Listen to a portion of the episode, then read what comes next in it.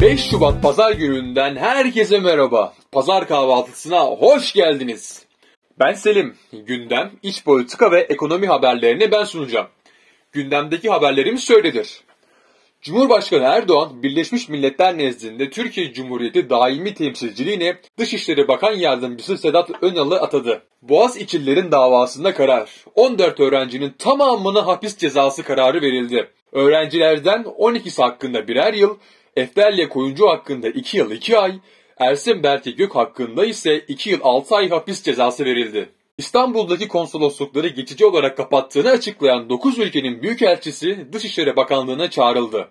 Altılı Masa mutabakat metni duyurdu. Metindeki seçim projeleri arasında Cumhurbaşkanlığının 7 yıllığına sadece bir kez seçilmesi ve kararname yetkisinin alınması, F-35 projesine dönülmesi, askeri okulların geri açılması ve Suriyelilerin ülkelerine geri gönderilmesi gibi başlıklar bulunuyor.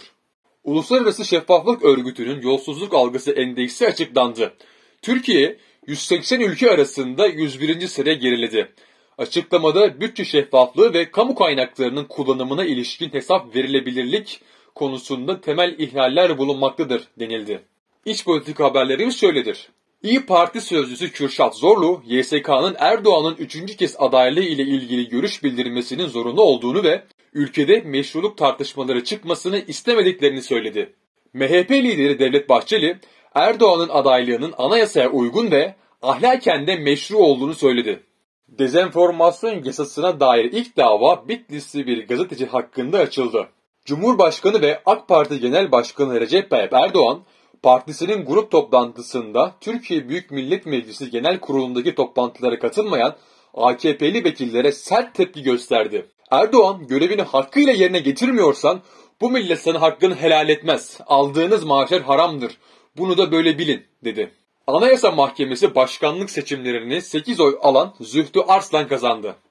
İyi Parti Kalkınma Politikaları Başkanı Ümit Özdağ'le Altılı Masa Kılıçdaroğlu'nun adaylığını onaylatmak için kurulduysa biz onay makamı değiliz dedi.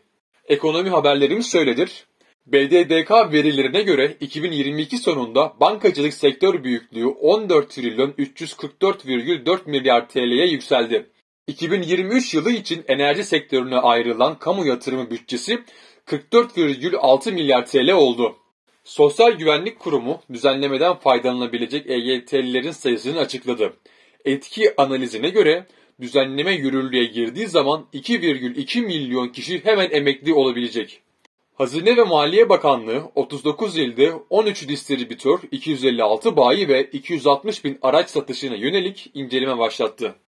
Herkese merhaba arkadaşlar ben Leyla. Bu haftanın dış politika, insan hakları ve teknoloji haberlerini ben sunacağım.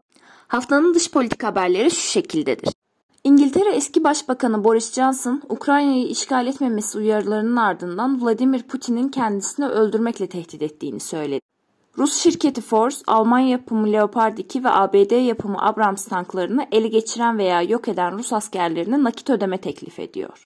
Seçimi kaybeden Brezilya eski devlet başkanı Bolsonaro, ABD'ye 6 aylık turist vizesi başvurusu yaptı. Bakü yönetimi Uluslararası Adalet Divanı'ndan Ermenistan'a mayın temizleme talimatı vermesi talebinde bulundu. ABD'nin Montana eyaleti semalarında Çin'e ait olduğu düşünülen casus balonu tespit edildi. Olayın tespitinin ardından 3 uçak havalandı. Balon krizinin ardından ABD Dışişleri Bakanı 5-6 Şubat'ta yapılması planlanan Çin gezisini erteledi. İnsan hakları haberleriyle devam ediyoruz. Bursa'da sendikaya üye olduktan sonra işten çıkarılan ve fabrika önünde 107 gündür eylemde olan barutçu tekstil işçileri eylem alanında kapağı açık kalan tanklardan havaya karışan amonyaktan etkilendi. Zehirlenme belirtisi gösteren 11 işçi hastaneye kaldırılırken ihmal ihtimali araştırılıyor. İnsan protestolarında çıplak şekilde polise direnip vurulan boksör Morovati vücudumdan 200 saçma çıkardılar dedi. Kanada Çin uygulamalarından kaçan 10 bin Uygur Türk'ünü ülkeye kabul edeceğini açıkladı. Son olarak teknoloji haberleri. Sony Türkiye pazarından çekileceği iddialarını yalanladı. Sadece televizyon ve ses sistemlerindeki faaliyetlerin optimize edilmesi kararı alındığını duyurdu. ChatGPT kullanıldığını tespit edebilen DetectGPT uygulaması geliştirildi. Çinli teknoloji şirketi Baidu, OpenAI'ın ChatGPT uygulamasına rakip olacak bir uygulamayı Mart ayında kullanıma sunacak. ABD ile Hindistan hükümetleri iletişim altyapısı ve askeri teknoloji alanlarında Çin'e karşı güçlerini birleştirecek bir dizi anlaşmaya hazırlanıyor. Evet arkadaşlar haftanın haberleri bu şekildeydi. Şimdi haftanın sorusunu sormak üzere sözü Selim'e devrediyorum. Gelecek hafta görüşmek üzere kendinize iyi bakın. Evet arkadaşlar yine ben geldim. Haberlerimiz bittiğine göre sizlere bu haftaki sorumuzu sorabilirim. Dünyanın en iyi filmlerinden birisi olan hatta benim de en sevdiğim film olan Godfather filminin müziklerini kim bestelemiştir?